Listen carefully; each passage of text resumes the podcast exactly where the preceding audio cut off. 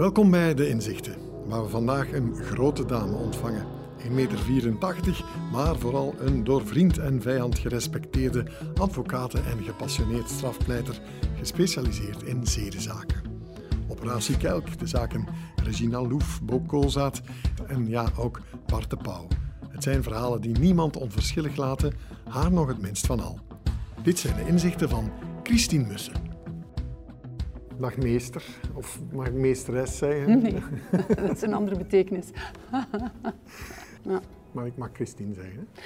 Het wees u gegund. Het zal wel zijn, zeker. Dank u wel. Het was wel grappig dat jullie dat toch altijd blijven doen, hè? van meester, confrater en zo. Mm. Is dat belangrijk in, in het toneelstukje dat jullie zo opvoeren? Ja, het heeft toch wel een bepaald belang in ons toneelstukje. In die zin dat... Ehm, een uh, bepaalde afstand wel op zijn plaats is. Dat is ook de reden waarom we een toga uh, dragen. Een beetje een voetstukje van, wow, van Dat is misschien veel gezegd. Dat is voor de magistraat. Hè. Het voetstukje, dat is niet voor ons. Hè. Wij zijn advocaten. Maar uh, de nodige afstand wordt daar toch mee ergens benadrukt. En dat is maar ook op zijn plaats. Want dan moeten we als advocaat absoluut altijd bewaken dat we niet meegaan in belangen van mensen op een ja, te weinig afstandelijke wijze. En toch betrokken. ja. ja. ja. Je bent bezig met heel veel veel besproken zaken waar we nu niet te veel gaan over spreken. Mhm. Want daar wordt al veel over gesproken. De zaak mhm. De Pauw, de zaak Koolzaad, Faber, operatie Kelk. Ehm, omdat je dat niet kan en ook niet graag doet, eigenlijk. Te veel daarover spreken in de media. Ja, ik denk ook dat de zaken moeten gezegd worden waar ze moeten gezegd worden, dat is de rechtbank. Maar als het natuurlijk zo is dat een bepaalde zaak duiding verdient en nodig heeft, omdat er foute informatie de wereld wordt ingestuurd, dan kan het nodig zijn, niet altijd, maar als het voldoende fundamenteel is, dan is het ook wel in het belang van de cliënt die door u wordt bijgestaan om dat dan toch te weerleggen. En dat doe ik soms. Nu ben je al meteen zo in advocatenmodus, dat is wel schoon. Ja, is het zo? Heb je twee, is het niet stijf? Je, nee, nee, heb je twee Maar daarnet was het niet zo stijf, is dat beter? Nee, nee, dat is een vraag. Heb je twee modussen zo? Uh... Denk het wel, hè. Denk het wel, ja. dat is nodig. Ja, denk dat wel. Ja. Het is toch wel een beetje iets anders dan gewoon zitten praten op de rechtbank ook. En dan inderdaad, als het over mijn vak gaat, dan verval ik daar nogal snel in. Te snel, denk ik. Zeker omdat ja, trial by media natuurlijk iets is waar men terecht ja, vandaag problemen of vraagtekens eh, bij mhm. stelt. Dat uh, een zaak al vaak uitgevochten wordt in de gazetten en op, op televisie. Ja.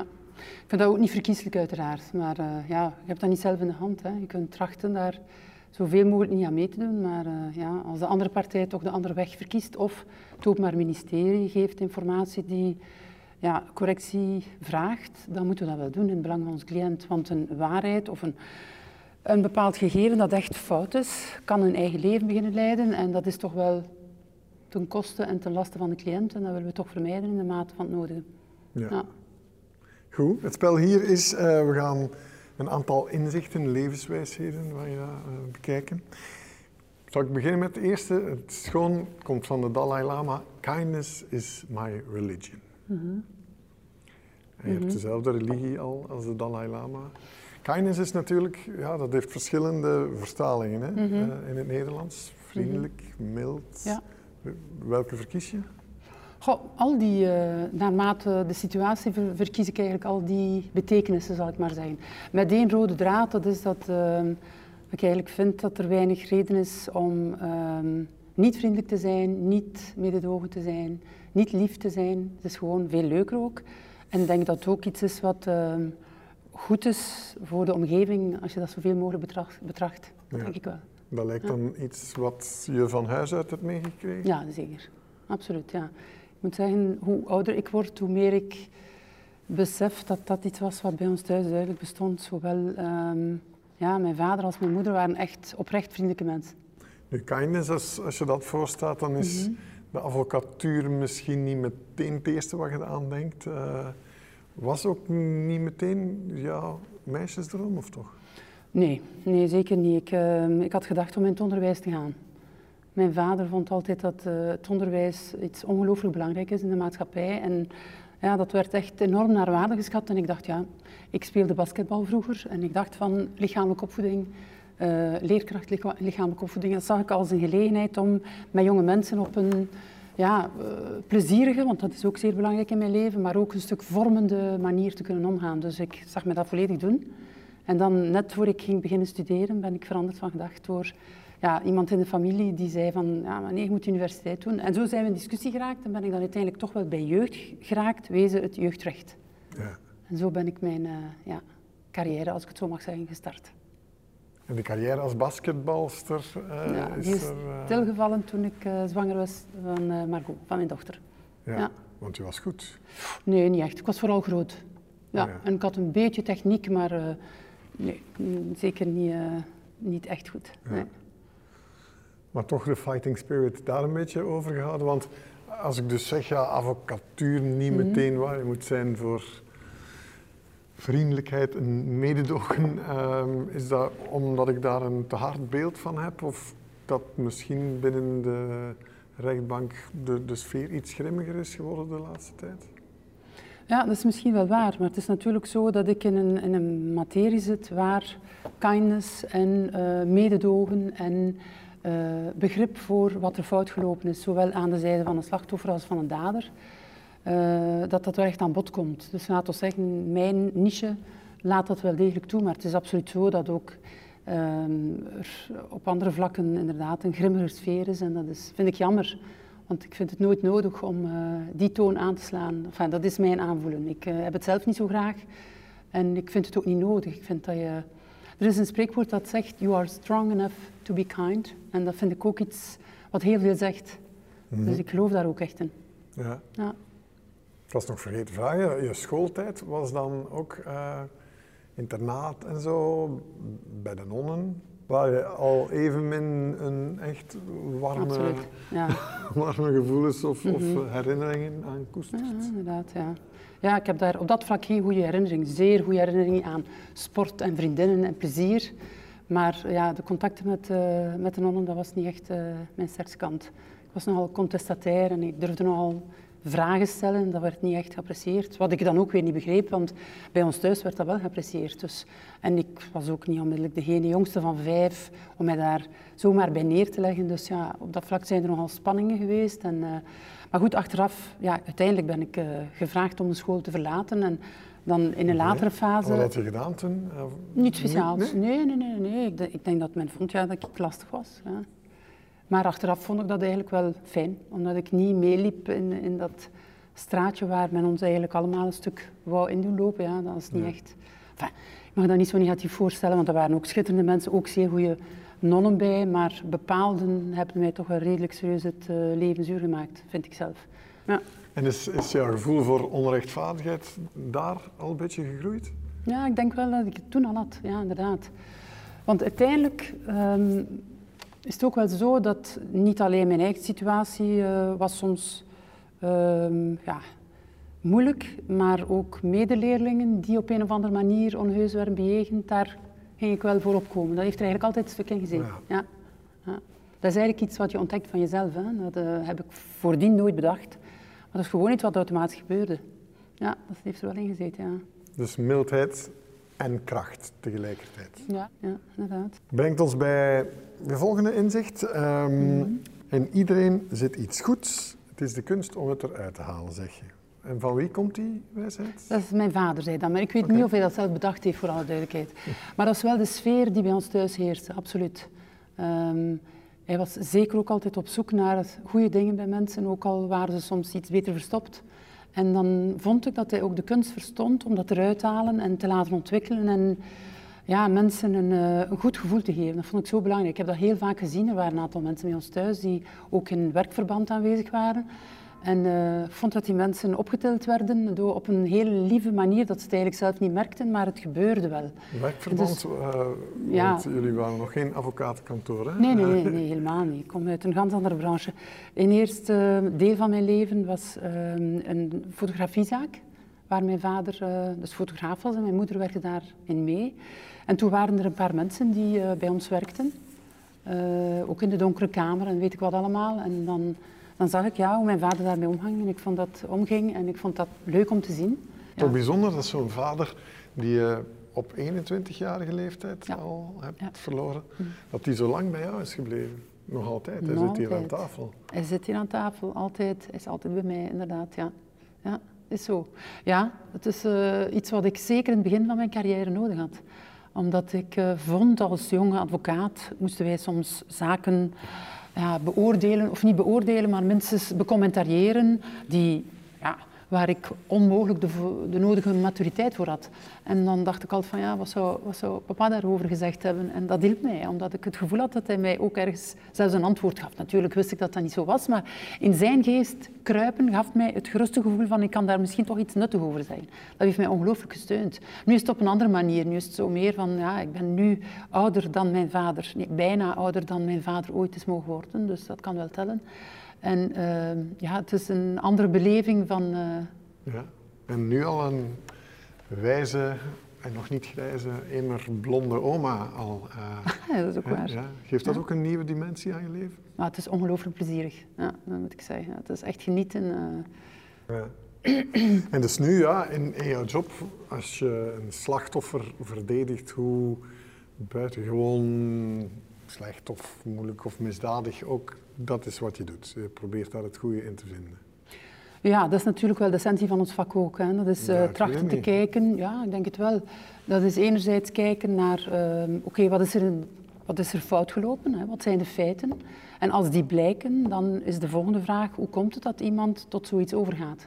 En dat is dan wel zoeken naar omstandigheden die nooit verrechtvaardigend zijn, want iets wat fout is, blijft fout. Maar terzelfde tijd wel minstens uitleggend of verklarend zijn. En die dan ook ehm, de zaken in een context plaatsen waardoor hetgene wat gebeurd was, wordt, of het gebeurd is, de nodige duiding krijgt. En ik vind dat iedereen daar recht op heeft, dus daar ben ik zeker gemotiveerd in om dat uit te zoeken voor iemand. Ja. Iedereen, iedereen of, of zijn er toch ook zaken die je weigert, waar je zegt ze van, oh, hier ga ik het goede niet meer kunnen invinden? Het, ehm, Ik denk niet dat het daaraan ligt. Het is eerder ehm, bij zaken die moeilijk zijn, eh, moeten we toch een gemeenschappelijke lijn kunnen vinden qua verdediging.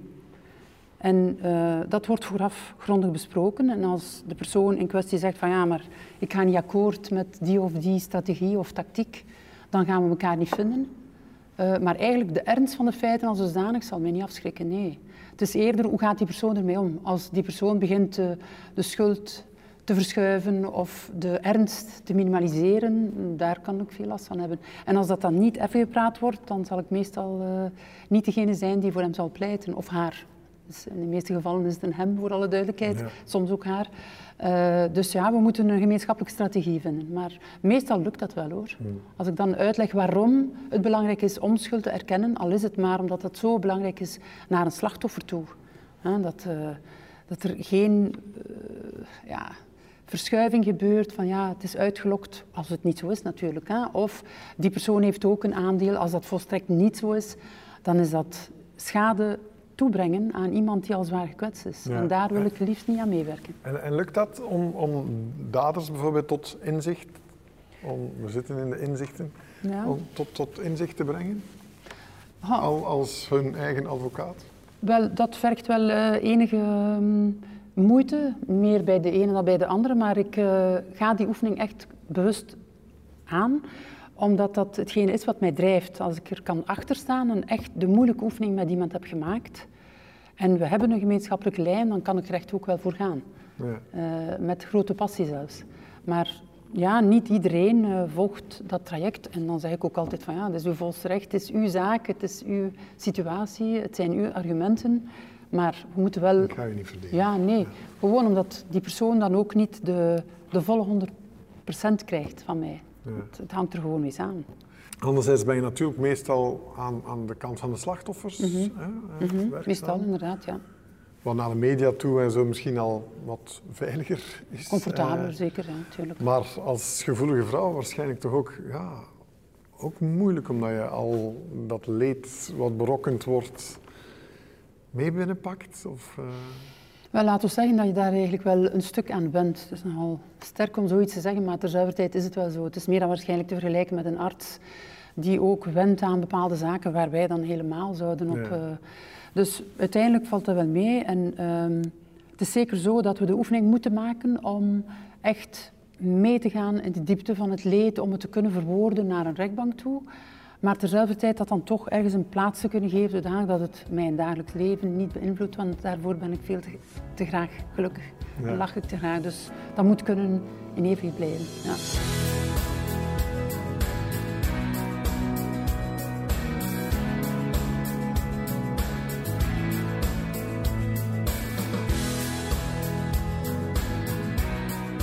Vrije wil is een illusie.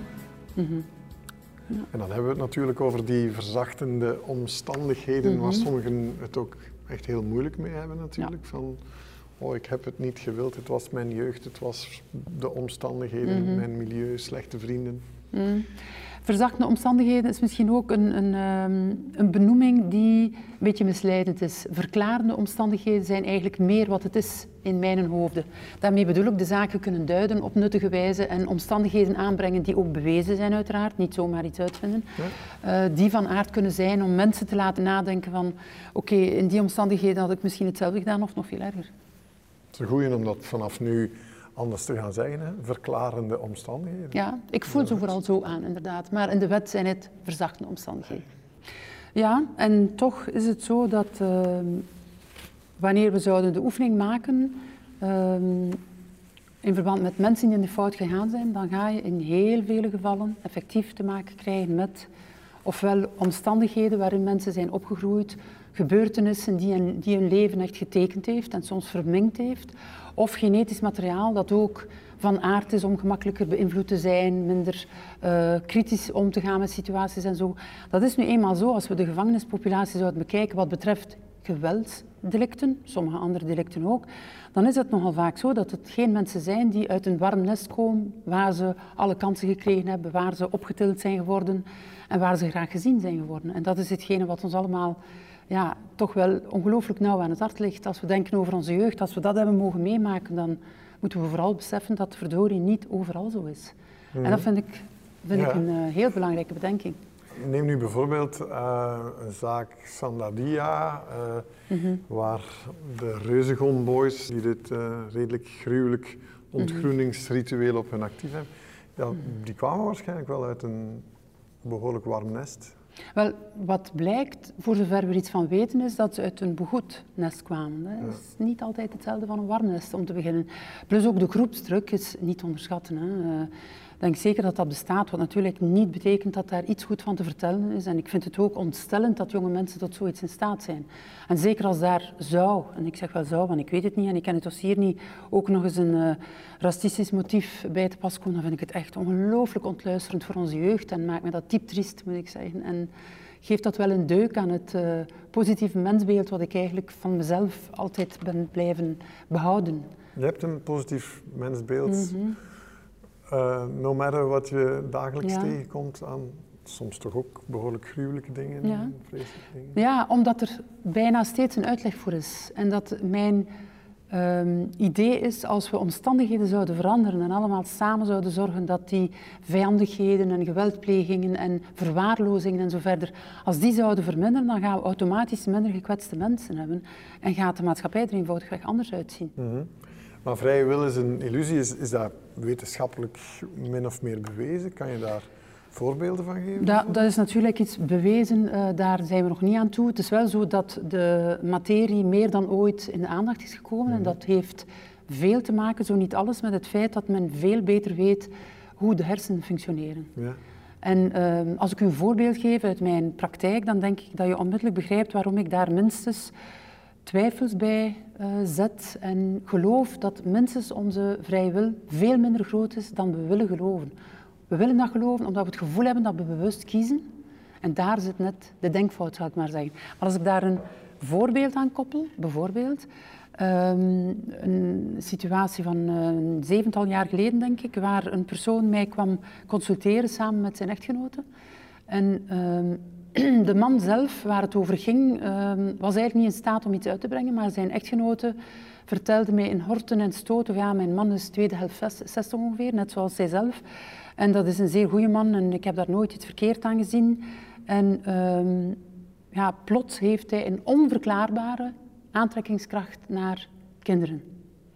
En die dame was doodbeschaamd om dat zelfs maar uit te mhm. spreken. Die man die zat volledig in elkaar gekrompen.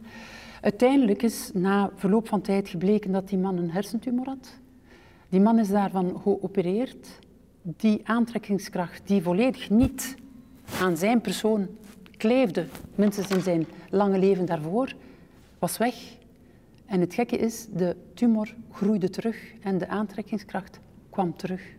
Om u maar te zeggen, in welke mate kiest men wie men is, in welke mate kiest men wat men doet of welke keuzes men maakt, dat, daar valt veel over te zeggen. En nu met de MRI-scans en zo uh, is het zo dat we daar veel meer zicht op krijgen en dat die stem veel luider klinkt. En dat heeft als groot voordeel, en daar ben ik dan wel uh, positief gestemd over, dat van zodra we zouden beseffen dat die vrije wil minder groot is dan we tot nu toe dachten, gaan we minder bereid zijn om te verwijten en om schuld te projecteren, eerder trachten te begrijpen en te verhelpen en meer te belanden in een maatregelenrecht, eerder dan het echte straffen, het sanctioneren.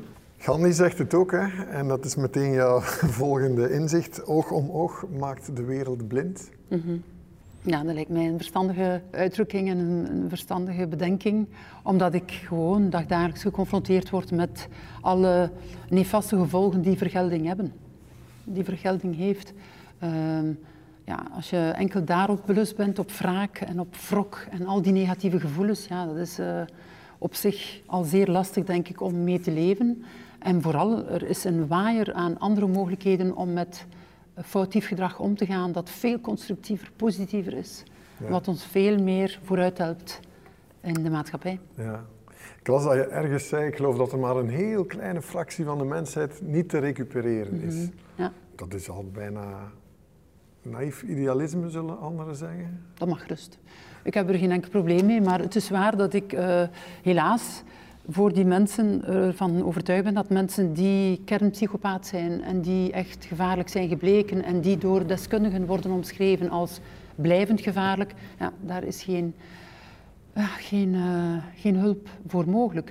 Maar ik geloof absoluut dat er een groot deel uh, van de mensen die in de fout gegaan zijn, als ze op de juiste manier worden aangepakt, behandeld, begeleid, geholpen, dat ze tot uh, nieuw gedrag kunnen komen. Daar geloof ik zeker in. Niet te nagenomen zijn er heel wat mensen die recupereerbaar zijn. Als ze voor het eerst horen dat ze iets kunnen, dat ze iets goed doen, dat ze iets betekenen, dat ze de, de moeite zijn om te bestaan dat ze de moeite zijn om graag gezien te worden. Vele mensen hebben dat nooit gehoord in hun leven. Datgene wat, ik zal alleen voor mezelf spreken, ervoor gezorgd heeft dat ik in een gezellig milieu ben mogen eh, groot worden.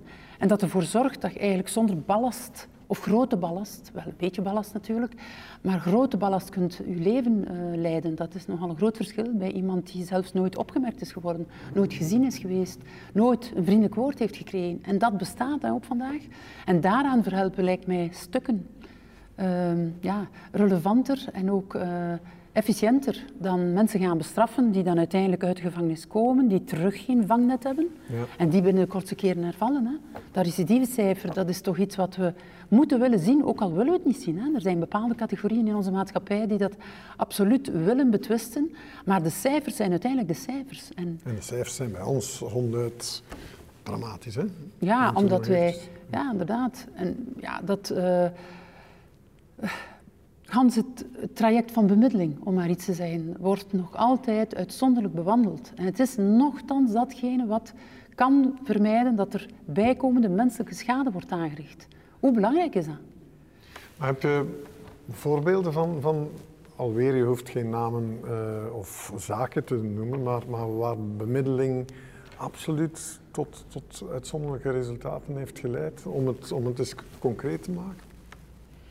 Wel, bemiddeling kan uh, bijvoorbeeld ook in zedenzaken uh, absoluut nuttig zijn. Bijvoorbeeld, een uh, vader is onder bepaalde omstandigheden, pas op, dat zijn ernstige feiten, hè, maar goed, ze, ze, maken deel uit van de realiteit van de mens klaarblijkelijk, hoe mhm. jammer ook. Een vader heeft zich op een bepaald moment vergrepen aan zijn dochter.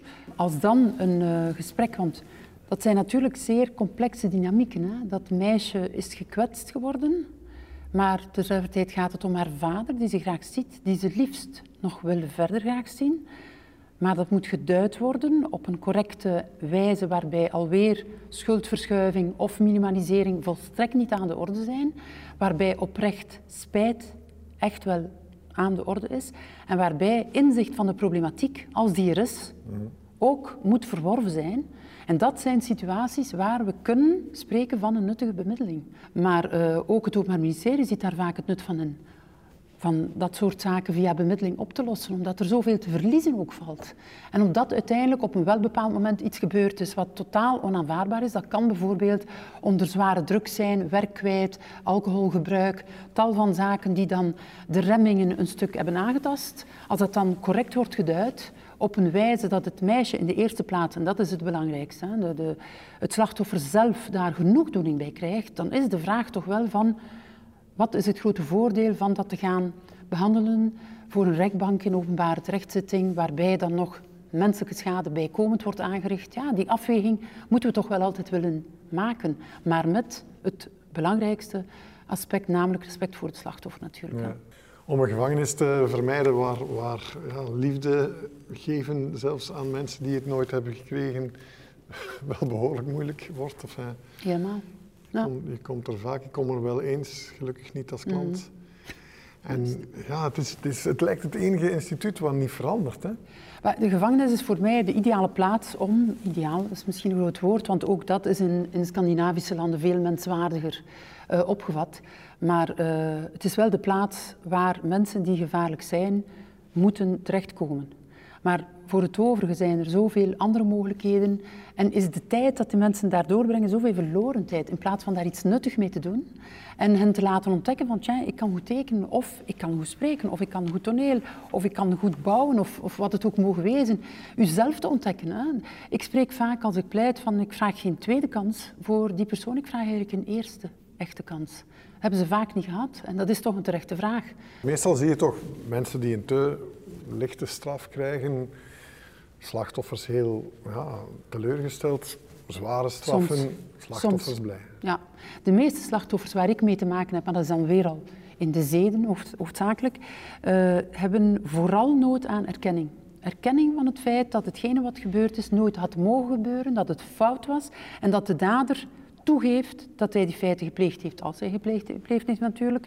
En anderzijds dat er inzicht is opgebouwd en weet u wat ze mij bijna altijd allemaal vragen? Ik kom nu aangifte doen omdat ik niet meer wil dat dit nog doet. Dat is zo speciaal. We zien dat bijvoorbeeld ook in dynamieken in een gezin. Het oudste dochtertje is uh, ja, uh, foutief bejegend door iemand van de familie. En zij doorstaat het zonder daarmee naar buiten te komen, want die stap zetten is natuurlijk ook niet min, want wat gaat er dan allemaal kapot? Misschien het gezin, de relatie enzovoort. En dan dreigt hetzelfde te gebeuren met het jongere zusje en dan zetten ze de stap. Dat is ook zeer herkenbaar. Die dynamieken komen terug. En dat is eigenlijk hetzelfde met ook groepen van slachtoffers die op een bepaald moment zeggen van kijk, ik wil niet dat het nog gebeurt en nu kom ik ermee naar buiten. Hey, als een advocaat moet bijna iets hebben ze van goh, als we vroeger zouden kunnen ingrijpen, we zouden heel veel mhm. ja, zaken uh, die, die zo vreselijk zijn kunnen voorkomen bijna. Tuurlijk, maar het is ook zo dat uh, preventie naar daders toe helemaal niet op punt staat. Hè. Hoe gaan we nu om met daders van dergelijke zaken? En dat is vanuit ons buikgevoel meer dan begrijpelijk. En laat het duidelijk wezen, ik heb ook dat buikgevoel. Maar tegelijkertijd is het ook wel zo dat als we willen dat die mensen ergens terecht kunnen, denk ik dat we moeten stoppen met ze zo te demoniseren en eerder aanbod te doen, zoals het trouwens bestaat. Stop It Now is een organisatie die uh, bestaat om op discrete wijze daders te ontvangen die kampen met ja, aantrekkingskracht die stapbaar is. Ja.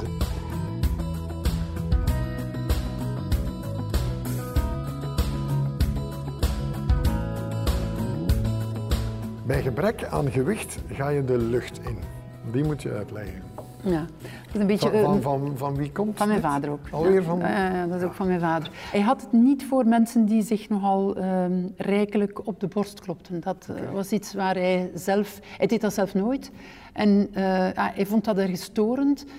Um, eigenlijk was het zo dat hij zei van ja, als je daar niet kunt mee omgaan en dan denkt, omdat je iets goed gedaan hebt of in iets geslaagd bent, dat je ergens kunt bovenplaatsen, dat had hij een absolute hekel aan. En ik moet zeggen, ik behoor van de, tot dezelfde familie. Ik heb er ook echt absoluut last mee. En dus was het bij hem, want dat was eigenlijk met een knipoog, dat hij dat zei van ja, als je geen gewicht hebt in de echte zin van het woord, dan ga je gaan vliegen. Bij gebrek aan gewicht ging hij de lucht in, zei hij soms. En dat was zoiets ja, wat ik altijd bijgehouden heb en altijd een beetje gekoesterd heb, omdat het nogal vertaalt wat ik er zelf ook bij voel. Ik heb het er nogal lastig mee. Ik vind dat je gerust fier mag zijn als je iets verwezenlijkt, maar daar dan beginnen je anders naar te gedragen of je ergens boven te stellen, daar heb ik een absolute hekel aan. Omdat ik vind dat niet kan.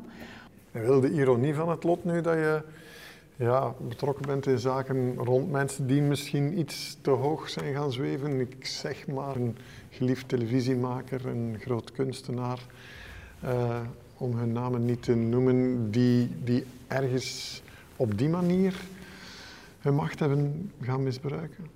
Um, ik durf me daar niet over uitspreken, dat is altijd delicaat. Maar uh, het is zeker zo dat macht bij mensen rare dingen doet. En dat ik vind dat we bijvoorbeeld op school zouden moeten leren daarmee omgaan. En erop gewezen worden dat macht iets kan doen met iemand. En dat is zowel voor degene die ja, de macht zelf heeft, als degene die ervan afhangt daar leren mee omgaan. Wij hebben er nooit geleerd op school, nooit aan eh, geduid geweest van wat dat dan betekent. Het is overduidelijk dat mensen die macht krijgen, naarmate ze ouder worden, daar soms echt geen weg mee kunnen en daar foute dingen mee doen. En wat dat betreft is MeToo ons iets wijzer aan het maken. Dat denk ik, ja dat is de grote verdienste van MeToo is dat het minstens bespreekbaar wordt. Hè.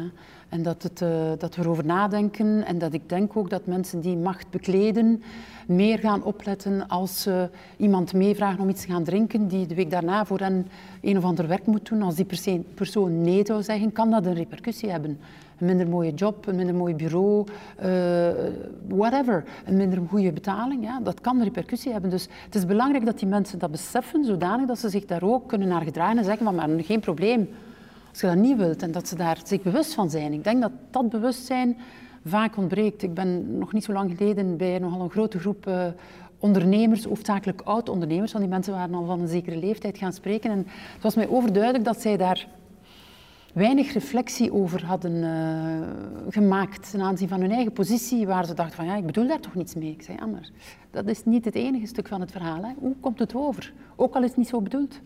Die twee waarheden kunnen naast elkaar bestaan en zijn belangrijk om te erkennen en te herkennen en daar ook weer nuttig over na te denken. En MeToo heeft ja, hier echt toch nog wel eens stevig iets veranderd. Hè. Men zegt vaak, de wereld verandert niet zoveel. MeToo mm. is toch echt zo'n revolutie geweest mm. die van Weinstein op morgen... Ongelooflijk. onomkeerbaar leek ook. Ja, ja, ja, Plots is iets bespreekbaar geworden wat voordien nooit werd uitgesproken. Hè. En het gekke is, en dat hebben we eigenlijk al gehad, en dat was lange tijd voor MeToo in 2010, de kerkzaak. Er is één persoon die wordt erkend als zijnde slachtoffer van, we weten het allemaal, bischop van Geluwe. En plots breekt die dam en zijn we daar met 460 man op een paar maanden. En in feite is een soortgelijke dynamiek die gebeurt bij die mensen waar je het nu over hebt, bijvoorbeeld uh, Weinstein. Eén persoon spreekt, de dam breekt en dan roep, iedereen gaat uh, ook zaken die ze zelf ervaren hebben gaan aanbrengen. Hopelijk allemaal gebaseerd op niets dan de waarheid, hè, want ook daar moeten we weer al voorzichtig mee zijn, altijd, naar iedereen. Maar uh, dat is een, duidelijke dynamiek, dus het heeft te maken met een schuldgevoel, een schaamtegevoel, met aarzelen om, ook schrik hebben om niet geloofd te worden. Men is al slachtoffer, men wordt nog een slachtoffer, want men wordt niet geloofd. En dat is ook begrijpelijk dat die angst bestaat, om de eenvoudige reden dat dat soort zaken meestal niet gebeurt met veel publiek bij. En dat het bewijzen van zaken iets anders is dan het aanklagen. En dat men in een ja, situatie kan komen waar men uiteindelijk in de long run van zegt, was ik er maar nooit aan begonnen. Ja, dat is natuurlijk wel zeer jammer en dat is een reden waarom ik ook heel vaak met mensen vooraf goed in welke mate willen zij absoluut bekomen dat die feiten worden bewezen verklaard. Zijn daar dan voldoende bewijzen voor? Of is het iemand die zegt van kijk, voor mij is het belangrijk dat hij voor zijn verantwoordelijkheid wordt geplaatst. Uh, ik heb een aantal zaken die kunnen in de richting wijzen, bewijzen, misschien wel niet, maar ik wil dat hij op zijn verantwoordelijkheid wordt geplaatst, al is het maar omdat ik wil dat hij het nooit meer doet. Dat kan ook een, een, een reden zijn om de stap te zetten, maar dan moet je wel vooraf aftoetsen, want sommige mensen zijn niet bestand tegen de toch wel redelijk uh, zwaar draaiende molen die het gerecht is. Hè. Ja. Dan heb je dwarsliggers nodig en dat is jouw volgende uh, inzicht. Zonder dwarsliggers leg je geen sporen. Mm. Ja. Je bent er één? Of durf je dat dus niet zeggen? dat is misschien veel gezegd. Uh, ik uh, erken vooral het belang van dwarsleggers. Het is een, uh, een spreuk die mij ja, misschien tien jaar geleden of zo is bijgebleven, omdat ik op dat vlak onmiddellijk dacht aan, aan Walter van Steenbrugge, mijn vernoot. Hè, die uh, meer, excellence. Ja, meer, meer het uh, profiel heeft van een dwarsligger. Uh, als zoon van een stationschef was hij ook vaak bezig over treinen. En ik vond het een mooi beeld dat echt bij hem aansloot.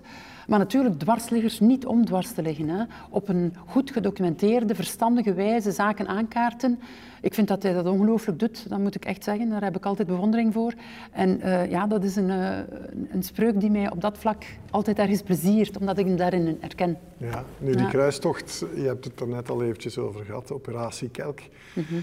Die jullie samen hebben mm -hmm. ondernomen, dat mm -hmm. is wel ja, dwarsliggend tegen een van de grootste en meest mythische instituten van onze samenleving, natuurlijk de kerk. Mm -hmm. Jullie zijn er meer dan tien jaar al uh, ja, mee bezig? meer dan tien jaar, inderdaad. Ja, ja, ja. En eindelijk begint dat zijn beslag te krijgen. Uh, hoe voel je dat? Mm, hoe voel ik dat als een um, tweede vorm van mensen zeer zwaar in de steek laten? Als het tien jaar moet duren vooraleer men erin slaagt, ook al is het een uiteraard groot dossier, om te kunnen stellen of mensen effectief onheus bejegend zijn en zeer zwaar gekwetst zijn, zijn geweest, zoals sommigen, ja, dan is het uh, veel te laat. Too little too late is eigenlijk hetgene wat bij mij opkomt. Nu, 9 december, komt die zaak voor de raadkamer, de strafzaak, die dus tien jaar geduurd heeft en waar uiteindelijk de uitkomst uh, ja, twijfelachtig is, zullen we maar zeggen. Gelukkig hebben we bij het begin van de zaak, en ik heb dat hoofdzakelijk gedaan, want ik heb eigenlijk alle 140 mensen persoonlijk gesproken en altijd gezegd van wij kunnen niets beloven, weet waaraan je begint, uh, we kunnen alleen maar proberen. En voor vele mensen is het feit dat er iets gedaan is geweest op zich al zeer belangrijk. Hadden jullie op dat moment gedacht dat het zo hoog zou reiken? Jullie zijn bijna de heilige stoel uh, in Rome moeten gaan bestormen. Mm -hmm. Bestormen is een groot woord. we hebben de heilige stoel wel gedagvaard, omdat onderzoek uh, op basis van documenten uiteraard, die ook priesters ons bezorgden en zo, uh, uitwees dat er eigenlijk een beleid is geweest vanuit de hoogste regionen van de kerk, meer bepaald de Heilige Stoel, om misbruiken waar ze kennis van hadden, om dat niet naar buiten te brengen. En dat zij verplicht werden om daarover te zwijgen. Dus dat is wel vergaand. Dat noemt men beleid. En een beleid gaat meestal uit, zoals ook bij hen, van de hoogste regionen. Dus in die zin hebben we gezegd, niet alleen de mensen die zelf misbruik hebben gepleegd, maar ook diegenen die er verantwoordelijk voor zijn, dat het is kunnen blijven duren. Ja, die mensen willen we ook aanspreken. Ja, maar gaat het niet meer om een of andere oncontroleerbare drang? Voilà. Dan is het een welbewuste keuze en dat is ook als dusdanig met zoveel woorden benoemd geworden door de kerk uh, in een brief. En die, die datum zal ik nooit vergeten, 19 mei 2000 en tien heeft de kerk gezegd, wij hebben onze eigen reputatie boven het belang van de minderjarigen geplaatst. Dat kan wel tellen als schulderkentenis. Alleen is het zo dat in juridische uh, kringen zijn ze dat blijkbaar vergeten en bevechten ze alles. Kan ik daar ook, ja, kruistocht zal ik het zo noemen, uh, zien tegen de minder of schijnbaar minder gevaarlijke vormen van seksueel geweld? belaging, stalking? Stalking is een, is een ernstig misdrijf en een gevaarlijk misdrijf. Al is het maar omdat het niet zelden de voorbode is van uiteindelijk een levensdelict. Als we uh, assisezaken overop nalezen, die gaan over partnerdelicten, dan is het niet zelden zo dat het afgewezen worden, de krenking van de ene partij tegenover de andere, heel vaak uh, niet wordt verteerd door de persoon en dat dan stalking, het belagen, het blijven belagen, een voorbode is naar uiteindelijk zeer zwaar geweld. En dat alleen al is een reden om dat misdrijf zeer ernstig te nemen, ook voor politiediensten, om te weten van, oh, dat bouwt zich hier op, dat herhaalt zich, dat blijft duren, die persoon kan er niet mee leven. Nee. Ja, wat moet er dan gebeuren? Die persoon moet geholpen worden natuurlijk. En die moet ondersteund worden en erkend worden in het verdriet of in de krenking of wat dan ook. Maar liefst onschadelijk gemaakt worden. Want soms gebeuren er zeer zware zaken in gevolg een stalking die niet gecontroleerd of aangepakt wordt.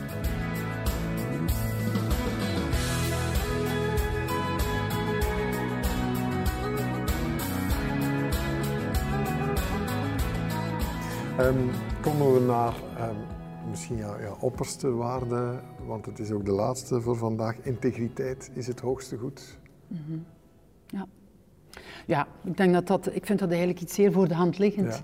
Uh, in die zin dat we minstens allemaal de bedoeling moeten hebben om dat zoveel mogelijk te betrachten. En niemand kan dat altijd en in alle omstandigheden zijn, en dat bedoel ik ook niet.